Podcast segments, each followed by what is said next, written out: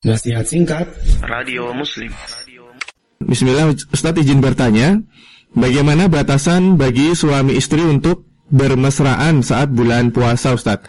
Bagaimana jika saat bermesraan itu keluar madhi? Mohon jawabannya Ustaz. Baik, e, jika memang kemesraan itu menggunakan air madhi, maka dia harus mencuci kemaluannya dan dia harus berwudu, ya. Hanya sebatas itu. Tetapi kalau kemudian menggunakan air mani, maka dia harus kemudian